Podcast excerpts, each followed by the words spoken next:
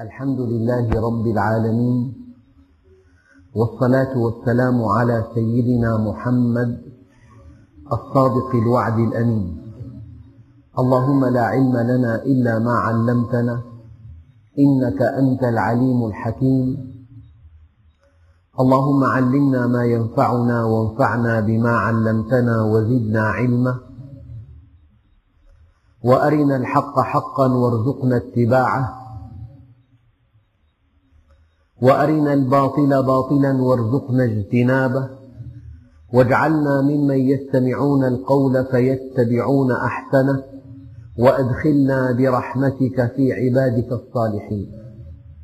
أيها الإخوة المؤمنون مع الدرس الواحد والأربعين من دروس سورة البقرة ومع الآية الثامنة بعد المئة وهي قوله تعالى ود كثير من أهل الكتاب لو يردونكم من بعد إيمانكم كفارا حسدا من عند أنفسهم من بعد ما تبين لهم الحق فاعفوا واصفحوا حتى يأتي الله بأمره إن الله على كل شيء قدير.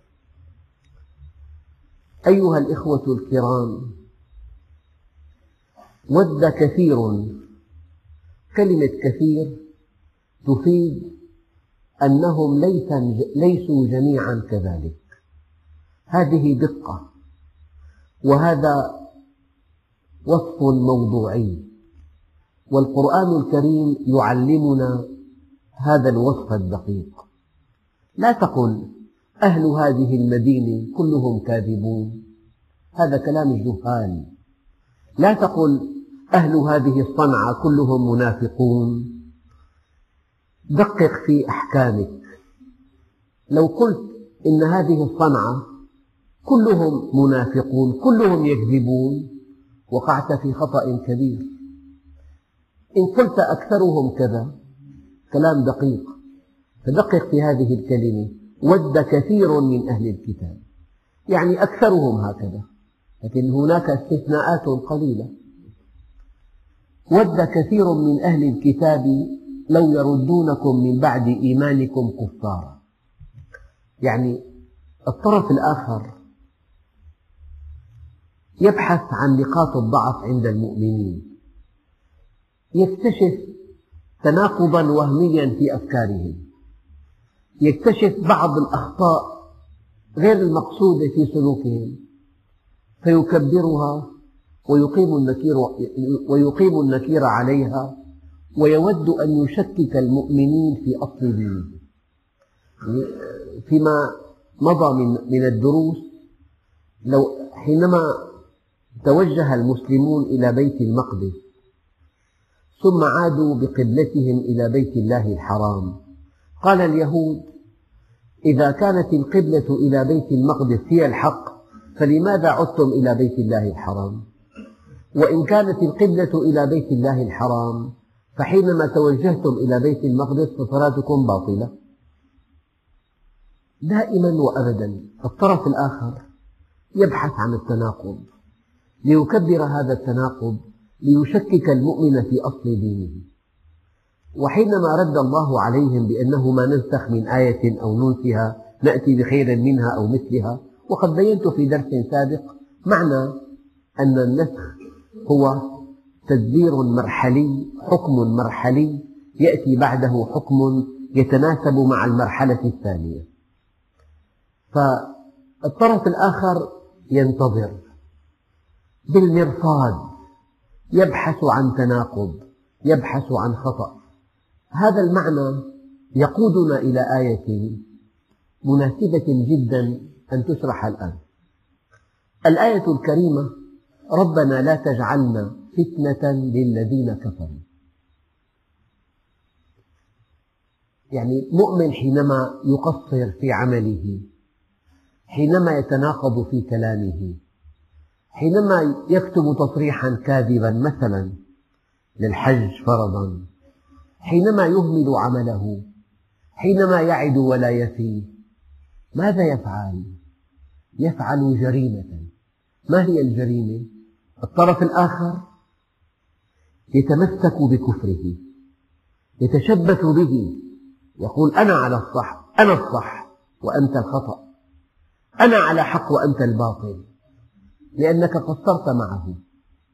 يعني أي مؤمن يعد سفيرا للمسلمين؟ أنت على ثغرة من ثغر الإسلام فلا يؤتين من قبلك. أنت مسلم وتمثل هذا الدين العظيم فحينما تدلي بتصريح كاذب. فقد كذبت والمؤمن لا يكذب. يطبع المؤمن على الخلال كلها إلا الكذب والخيانة. أنت حينما تعي ولا تعد ولا تفي بوعدك أنت جعلت الطرف الآخر يتشبث بكفره ويحتقر ما أنت عليه وينتقل احتقاره إلى دينك. فقبل أن تدلي بتصريح قبل أن تخلف الوعد قبل أن تقدم صنعة غير متقنة قبل أن تقدم شيئا تافها قبل أن تسلك سلوكا غير صحيح عد للمليون لأن الطرف الآخر يبحث عن خطأ يضع أعمالك تحت إضاءة شديدة الأضواء كلها مسلطة على المؤمن فإذا أخطأ كبر هذا الخطأ وصار خطأ يمس هذا الدين العظيم. دقق أنك لو تعاملت مع غير المسلم وأخطأت لا يقول فلان أخطأ معي يقول هكذا الإسلام. يبطل اسمك ويظهر الإسلام. لو أنك لا سمح الله ولا قدر أخطأت في حق مسلم يقول فلان أخطأ معي. لا يذكر الدين. يقول فلان أخطأ معي. فربنا عز وجل يعرض علينا نموذجا من تمنيات هؤلاء القوم يتمنون أن يردوكم بعد إيمانكم كافرين. ماذا يفعلون؟ يشككونكم في أصل دينكم.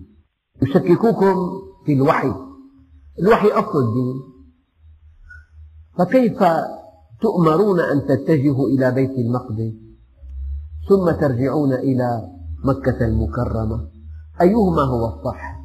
إن كان إن كان الصواب أن تتجهوا إلى بيت المقدس فلماذا تحولتم عنه إلى بيت الله الحرام؟ وإذا كان الصواب أن تتوجهوا إلى بيت الله الحرام لماذا تحولتم عنه إلى بيت المقدس؟ الجواب ما ننسخ من آية أو ننسها نأتي بمثلها أو مثلها. يعني ماذا يفيدنا هذا؟ يفيدنا أن الطرف الآخر يعادي الحق ويبحث عن ثغرات ليكبرها ويجعل منها قضية ويجعل منها قضية. فأنت كمؤمن لا ينبغي أن تعطي الطرف الآخر حجة عليك. لا ينبغي أن تعطي الطرف الآخر شيئا يتمسك به. لذلك المؤمن الصادق يحدث اختلال توازن عند الطرف الآخر. اختلال توازن. مؤمن صادق أمين متقن متفوق في عمله. يفي بوعده يفي بعهده. لا يخون ولا يكذب. هذا التمسك بالقيم وهذا الوضوح في الفكر وهذا الالتزام في السلوك يحدث عند الطرف الآخر خللا لعله يؤمن بهذه الطريقة. الطرف هناك معركة أزلية أبدية بين الحق والباطل. معركة أزلية أبدية بين الحق والباطل. فالمؤمن حينما يخطئ على مرأى من كافر يدعو الكافر إلى التشبث بكفره. يعين الشيطان على الكافر. المؤمن حينما يخطئ مع الكافر يعطي الدليل للكافر أن يبقى كافرا. أما حينما يرى الكافر من المؤمن صدقا وأمانة واستقامة ودقة وإتقانا وورعا يختل توازنه فيسلم لماذا يدخل الناس في دين الله أفواجا؟ حينما يرقى المؤمنون ومتى يخرج الناس من دين الله أفواجا؟ حينما يقصر المؤمنون. بتقصيرنا يخرج الناس من دين الله أفواجا. وبصدقنا واستقامتنا وقوة حجتنا يدخل الناس في دين الله أفواجا. والمؤمن مقرب وليس مبعدا. محبب وليس منفرا. هذه مهمة المؤمن هناك من يدعو إلى الله وهناك من ينفر الناس من الله عز وجل. وهذه الكلمة التي يقولها معظم الناس دائما يعني هؤلاء أصحاب الدين هكذا. يعني هناك من يقول أنه كل إنسان له صلة بالدين مثلا يخطئ حتى يشفي غليله. والحقيقة هذا يقودنا إلى موضوع نفسي. الإنسان بفطرته ينبغي أن يكون مؤمنا. يعني الإنسان مبرمج مولف تعبيرات حديثة مجبول تعبير قرآني مفطور على حب الحق وعلى طاعة الله. فإذا ابتعد عن الحق وعصى الله عز وجل يختل توازنه. هذا الاختلال مزعج. كيف يستعيد هذا الاختلال؟ في ثلاث حالات. حالة واحدة صحيحة وحالتان مرضيتان. الحالة الصحيحة أن يصطلح مع الله وأن يتوب إليه وأن ينيب إليه وأن يستسلم لأمره وأن يطيعه. وكل إنسان حينما يتوب يشعر أن جبالا قد أزيحت عن كاهله يشعر أن استقرارا قد ملأ قلبه. يشعر بالأمن والطمأنينة. يشعر بالثقة والرجاء. هذه طريقة من طرق أن تستعيد التوازن. الطريقة الثانية أن تطعن بالمؤمنين. من أجل أن توهم نفسك أن هؤلاء المتوازنون ليسوا كذلك. هذه طريقة مرضية. إما أن تصطلح مع الله فتتوازن وإما أن تطعن بالمؤمنين لتوهم نفسك أن الناس جميعا هكذا. ما في واحد جيد. هذه طريقة مرضية ليست صحيحة. والشيء الثالث أن تتعلق بفكر ضال. يغطي انحرافك. تتعلق بفكر ضال. يعني واحد منحرف تشبث بمفهوم الشفاعة. الساذجة أنه افعل ما شئت النبي الكريم يشفع لك. فكرة مريحة مريحة جدا. تفعل أنت ما تشاء تأكل المال الحرام تعتدي على من تشاء وأنت متوهم أن النبي عليه الصلاة والسلام يوم القيامة سيشفع لك ويدخلك الجنة. هذه الفكرة مريحة للمقصرين. يتعلق بفكر خاطئ بعقيدة ضالة بفهم مريض سقيم. التعلق بهذه المفهومات يريح من اختل توازنه أو الطعن بالمؤمنين يريح من اختل توازنه. ولكن الصواب أن تعود إلى الله وأن تصطلح معه وأن تطبق منهج الله عز وجل. عندئذ تستعيد توازنك تستعيد توازنك وتسعد. ود كثير من أهل الكتاب. لو يردونكم من بعد إيمانكم كفارا ليستعيدوا توازنهم. هم حينما كفروا اختل توازنهم أنه خالفوا فطرتهم خالفوا جبلتهم. فلما رأوا المؤمنين ملتزمين منيبين محبين متعاونين سعداء هذا الشيء مقلق فتمنوا أن يختل توازنهم وأن يعودوا كفارا. حدثني رجل كان مسرفا في المعاصي. وهو يعمل في التجارة. فذهب إلى بيت الله الحرام وحج البيت وتاب إلى الله. فلما عاد, عاد إلى بلده كان في جلسة مع أصدقائه القدامى وهذا خطأ كبير. قال له أحدهم اشرب. قال أنا تبت إلى الله. قال له كم كلفتك الحجة؟ مثلا وقتها كان خمسين ألف. قال له هي خمسين ألف واشرب. هذا سلوك يومي. المنحرف يريد أن يجعل كل الناس منحرفين.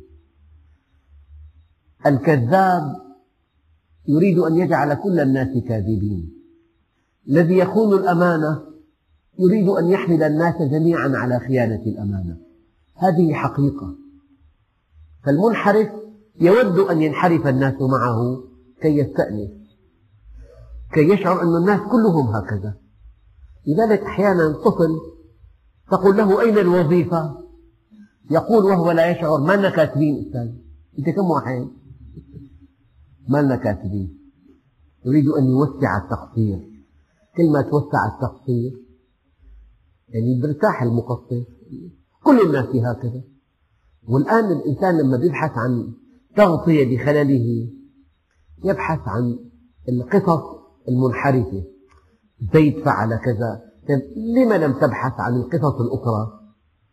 يأتي بقصة أنه فلان انحرف وفلان انحرف وفلان انحرف يرتاح كأنه بهذا يشعر أن الناس كلهم هكذا. وهناك أدلة قوية جدا بالمقابل. فلان استقام وفلان استقام وفلان صدق. والله عز وجل بالمناسبة هناك معنى دقيق جدا جدا وهو أن الله جل جلاله يجعل من المؤمن داعية دون أن يشعر. قد يضيق عليه دخله إلى درجة أنه قد لا يكفيه. يأتيه عرض مغر ولكن هذا العرض فيه شبهة فيرفض.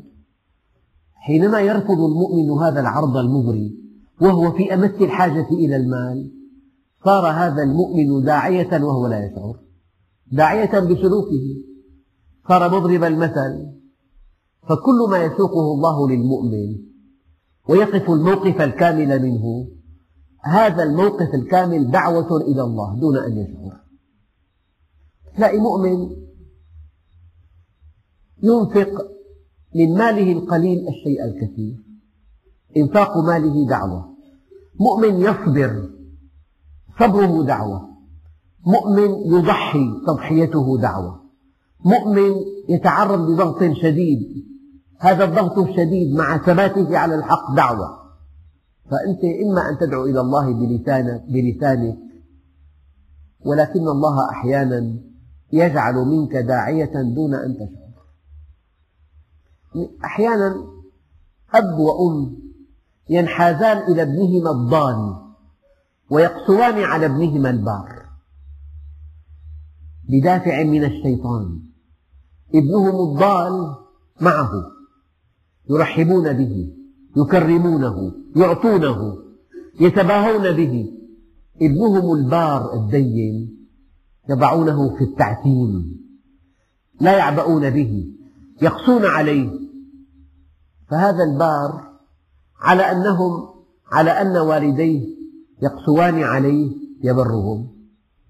صار دعوة.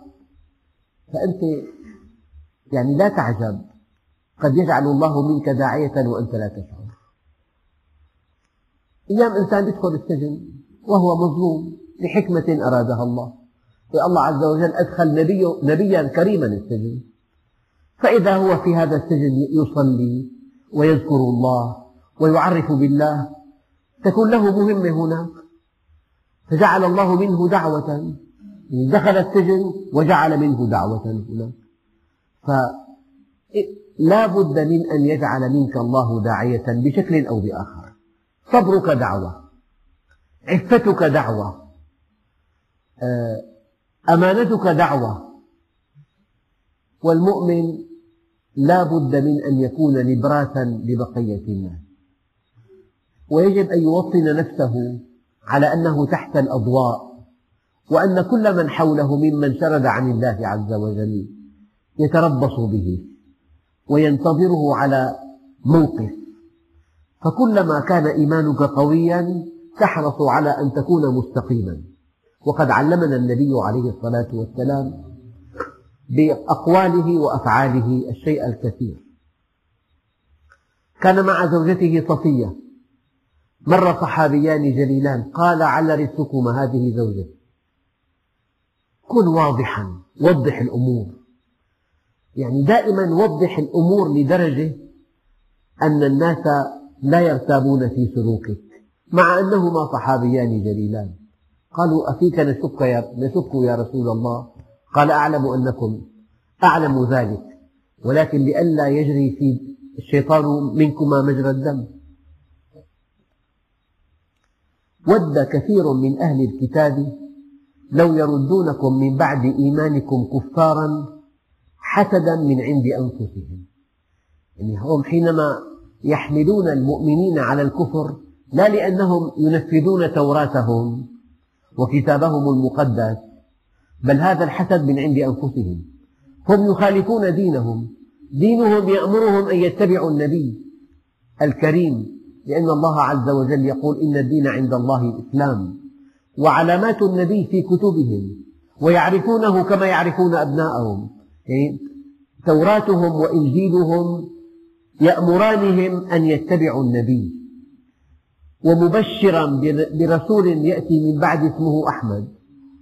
لكن هذا الحسد من عند أنفسهم. نعم. ما الحسد؟ يعني هذه جبلة في الإنسان. هل هي مذمومة دائما؟ لا. جبلة حيادية. خصيصة حيادية. الإنسان مجبول على أن يتمنى ما عند الآخرين. يعني يغار. يتمنى ما عند الآخرين. هي جبلة. هي في الأصل حيادية. إن وظفت في الحق كانت الغبطة. أنت كإنسان ترى إنسان أعلم منك في الدين. تتمنى أن تكون مثله. تتمنى ترى إنسانا حافظا لكتاب الله تتمنى أن تكون مثله. ترى إنسانا أجرى الله على يديه الخيرات تتمنى أن تكون مثله. هذه جبلة جبل عليها الإنسان. حينما صرفها للخير ارتقى بها إلى أعلى عليين فإذا تمنيت أن تكون من أهل الدنيا هذا حسد. إن صبت هذه الخصيصة على الدنيا كانت الحسد. وإن صبت على الآخرة كانت, كانت الغبطة. جبلة حيادية. لا تمدح ولا تذم. توظف في الخير أو في الشر. يعني أن تتمنى ما عند الآخرين. أما الحسد الجانب السلبي الجانب المنهي عنه حينما ترى إنسانا غنيا تتمنى أن يزول المال عنه حسدا من عند أنفسهم. وتتمنى بعد ذلك أن يتحول المال إليك. هي أسوأ. هي أقل سوء ثم قد تفعل بيدك ما تصرف ماله إليك. هذا صار جريمة. حينما تتمنى أن تزول النعمة عن أخيك هذا حسد. بصرف النظر عن تحولها إليك أو عدم تحولها إليك. وحينما تفعل بنفسك ما يزيل النعمة عن أخيك فهذه جريمة. أما حينما تتمنى أن تكون عالما كعلم أخيك حافظا كحفظ أخيك لك, لك عمل طيب كعمل أخيك هذه غبطة. من هنا قال عليه الصلاة والسلام لا حسد إلا في اثنتين رجل آتاه الله القرآن فهو يقرأه آناء الليل وأطراف النهار ورجل آتاه الله مالا فهو ينفق منه آناء الليل وأطراف النهار. فإن تمنيت عمل الآخرة فهذه غبطة وإن تمنيت ما عند أهل الدنيا فهذا حسد والحسد والغبطة خصيصتان جبل عليهما الإنسان. نعم. ود كثير من أهل الكتاب لو يردونكم من بعد إيمانكم كفارا حسدا من عند أنفسهم من بعد ما تبين لهم الحق. معنى ذلك الاختلاف كما ذكرت في درس سابق قد يكون بسبب نقص المعلومات. هذا اختلاف طبيعي وقد يكون بسبب الحسد. اليهود يعرفون النبي كما يعرفون وفي كتاب المقدم علامات النبي. وإشارات النبي ومبشرا برسول يأتي من بعد اسمه أحمد. ومع ذلك كفروا به وكذبوه وحاربوه وعادوه حسدا من عند أنفسهم. هذا ينسحب على حياة المسلمين. هناك من الخصومات ومن العداوات ما يعود إلى الحسد وحده فقط. هناك من الخصومات والعداوات ما يعود إلى الحسد وحده. وهذا مقياس دقيق أيها الإخوة مقياس دقيق. أخوك المؤمن إذا أكرمه الله بشيء هل تعاديه؟ حينما تعاديه فقد حسدته. وحينما تعاديه وضعت نفسك في صف المنافقين. إن تصبك حسنة تسؤهم. أما إذا باركت له ذلك وضعت نفسك في خندق المؤمنين. علامة المؤمن أنك تسعد بخير ساقه الله لأخيك.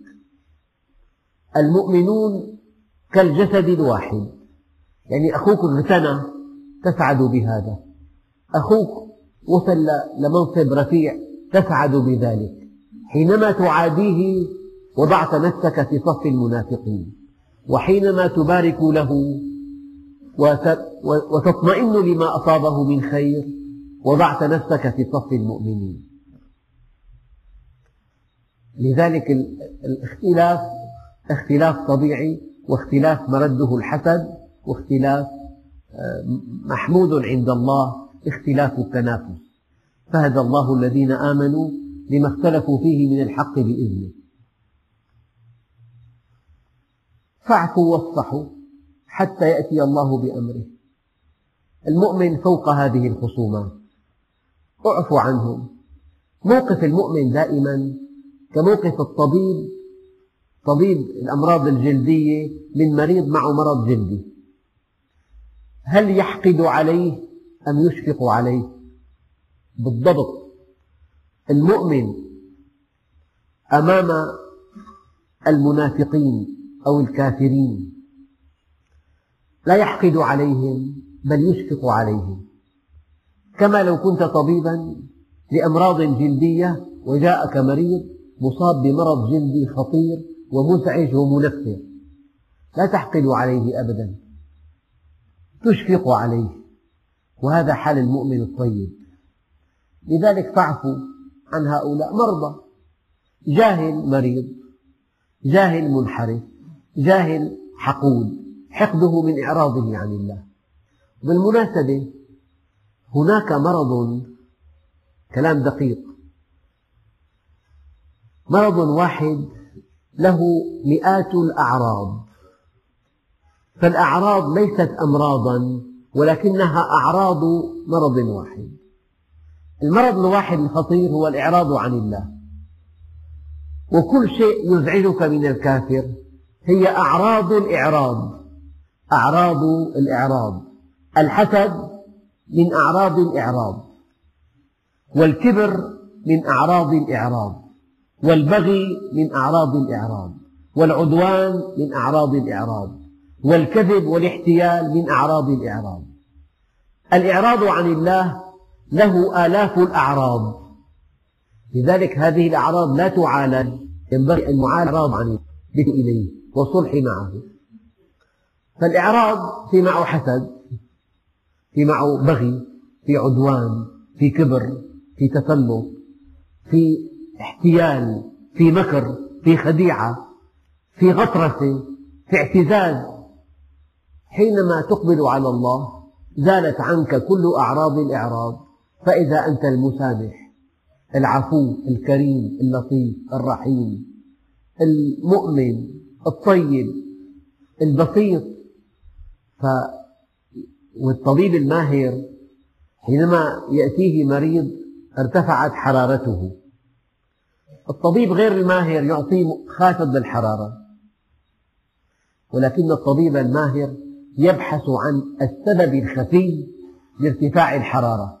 فإذا كان التهابا عالج الالتهاب فانخفضت الحرارة. فأنت كطبيب لا تعالج أعراض الإعراض. عالج مرض الإعراض. عالج المرض تزول هذه الأعراض. فكل عرض يعالج ولكن لا يشفى. إنه الأصل موجود. أعطيته خافض حرارة. انتهى مفعول الحبة. عادت الحرارة إلى ما كانت عليه. فإذا انتهى مفعول هذا الدواء عاد العرض إلى ما كان عليه. أما إذا عالجت أصل المرض الأعراض زالت بشكل طبيعي. فأنت لا تعالج أعراض الإعراض عالج مرض الإعراض. هذا هو الأصل. يعني إنسان تطعمه فيشتكي تطعمه فيتسول تطعمه ما عرف الله. لو عرف الله عز وجل واستقام على أمره لأغناه الله. ورفع رأسه وأعطى بدل أن يأخذ. فمهما عالجت هذا المقصر مع الله عز وجل كلما أعطيته هل من مزيد؟ أما إذا دللته على الله واصطلح معه وأناب إليه رزقه الله رزقا حسنا. فأعطى بدل أن يأخذ. فاعفوا واصفحوا يعني أزيلوا أثر هذا الشيء من نفوسكم. العفو لم تحاسبه على خطئه لم تعاقبه أما الصفح أن تزيل هذا من, من نفسك.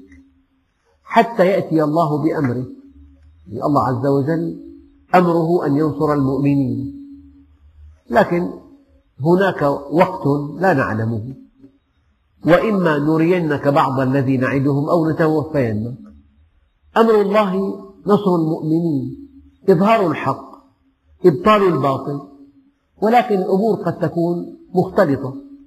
يعني أنت مؤمن في إنسان آخر غير مؤمن يأكل ويشرب ويعيش ويتكلم ويقول ما يشتهي متى يفصل بين المؤمنين وغير المؤمنين؟ في وقت يعلمه الله. إن الله يفصل بينهم يوم القيامة. إن الله على كل شيء قدير. يعني قدير أن يظهر الحق ولكن يظهره في وقت مناسب.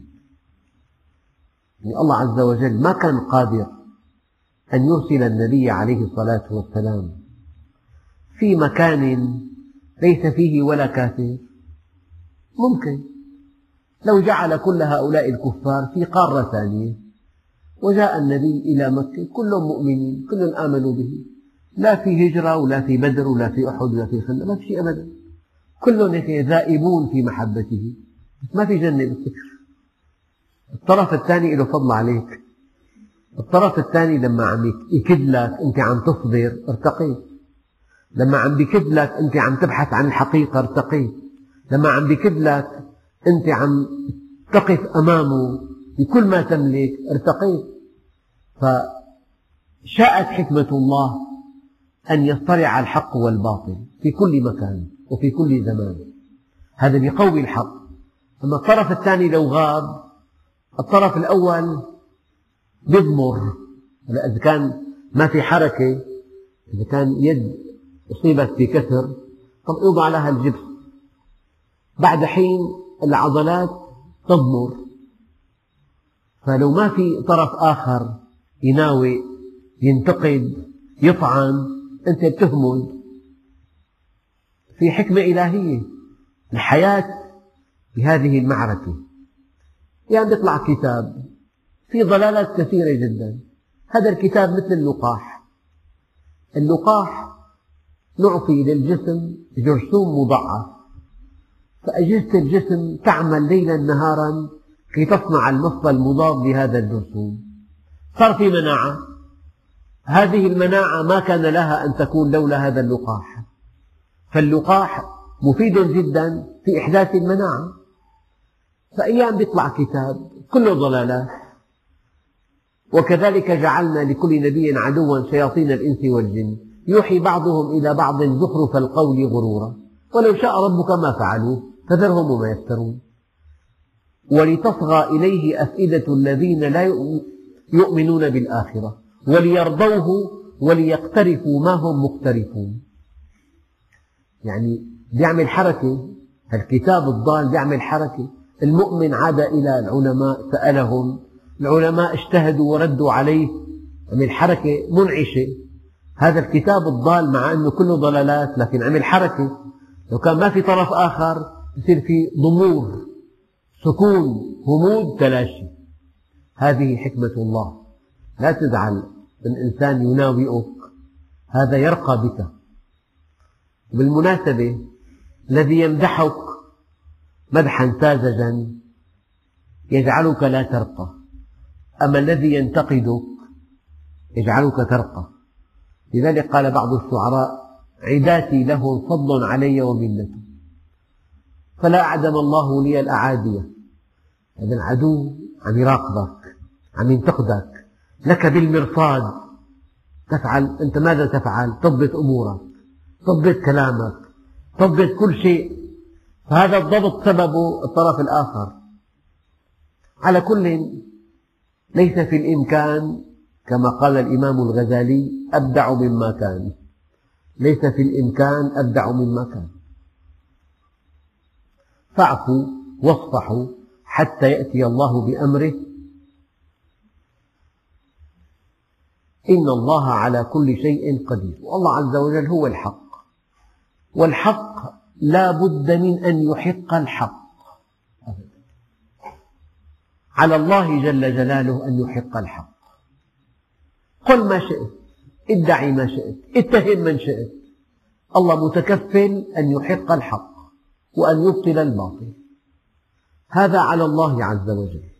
وكل كلما جاءت على مع لفظ الجلالة يعني أن الله عز وجل ألزم نفسه بذلك. إن علينا للهدى. إن علينا للهدى. وعلى الله قصد السبيل. حتى يأتي الله بأمره إن الله على كل شيء قدير. قدير أن يأتي بأمره في كل وقت. ولكن له حكمة لا نعلمها. يعني بطولتك أن تكون مع الله. وأن تكون على الحق. ما دمت على الحق لا بد من أن يظهر الحق. والله عز وجل قال إن الباطل كان زهوقا. الباطل لا بد من أن يزهق. مهما كان عظيما ومهما كان كبيرا ومهما كان متعددا. مهما كان عظيما وكبيرا ومتعددا إن الباطل كان زهوقا. والزهوق صيغة مبالغة. يعني لا بد من أن يزهق. لا بد من أن يكون في الوحي. فرعون لما غرق قال هو نفسه آمنت بالذي آمنت به بنو إسرائيل. قال الآن وقد عصيت من قبل. وأقيموا الصلاة وآتوا الزكاة وما تقدموا لأنفسكم من خير تجدوه عند الله. إن الله بما تعملون بصير. أخواننا الكرام الشهادة ينطق بها مرة في العمر. تقول أشهد أن لا إله إلا الله وأشهد أن محمدا رسول الله حينما تعلن إسلامك. والزكاة تسقط عن الفقير وتؤدى في العام مرة. والصيام يسقط عن المريض والمسافر ويؤدى في العام مرة. والحج يسقط عن المريض وعن الفقير. ويؤدى في العمر مرة. هذه أركان الإسلام. شهادة أن لا إله إلا الله والصيام والحج والزكاة.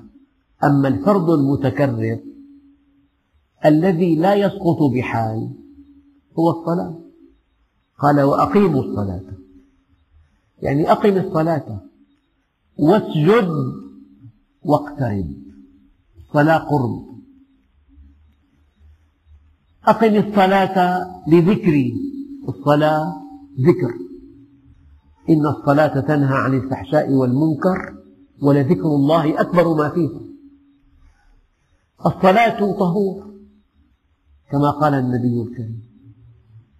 تطهرك من كل الأدران. والصلاة نور. تلقي في قلبك نورا ترى به الحق والباطل. أفمن يمشي مكبا على وجهه أهدى أم من يمشي سويا على صراط مستقيم. يا أيها الذين آمنوا اتقوا الله وآمنوا برسوله. يؤتكم كفلين من رحمته ويجعل لكم نورا تمشون به. صلاة نور. الصلاة حضور سعادة. أرحنا بها يا بلال. الصلاة عقل. لا تقربوا الصلاة وأنتم سكارى حتى تعلموا ما تقولون. معنى الصلاة عقل. وقد قيل ليس للمرء من صلاته إلا ما عقل منه. الصلاة عروج الصلاة معراج المؤمن عروج إلى الله عز وجل. الصلاة مناجاة. لو يعلم المصلي من يناجي من فتن فالصلاة مناجاة والصلاة عروج والصلاة حبور والصلاة نور والصلاة طهور والصلاة ذكر والصلاة قرب. والصلاة عقل وأقيموا الصلاة. ما قال وصلوا؟ أقيموا الصلاة. يعني بشكل أو بآخر. البناء يقام. إقامة البناء. يعني يحتاج إلى رخصة. يحتاج إلى حفر أساسات يحتاج إلى هيكل إسمنتي يحتاج إلى كسوة. يحتاج إلى أساس الصلاة كيف تقيم الصلاة؟ بطاعتك لله أولا بغض بصرك عن محارم الله بالصدق بالأمانة حينما تكون كما أراد الله تقف فتصلي يا بني آدم خذوا زينتكم عند كل مسجد. طبعا المعنى لها الآية لها معنى ضيق ولها معنى واسع. حينما تأتي بطاعة لله إلى المسجد حينما تأتي بعمل صالح حينما تأتي صادقا حينما تأتي أمينا حينما تأتي متواضعا حينما تأتي محسنا وتصلي بخط ساخن مع الله عز وجل. يعني أحدنا لو أنه عنده هاتف بس ما في خط ما في حرارة ماذا يفعل به؟ ينزعج انزعاج شديد ما في خط. أنت أمام كتلة لاستيك أما حينما ترفع السماعة فتسمع ونة يعني خط ساخن خط مفتوح. المؤمن معه خط إلى الله ساخن باستقامته وطاعته وصدقه وأمانته وإخلاصه. خطه مع الله مفتوح وساخن. في حرارة يعني في حرارة.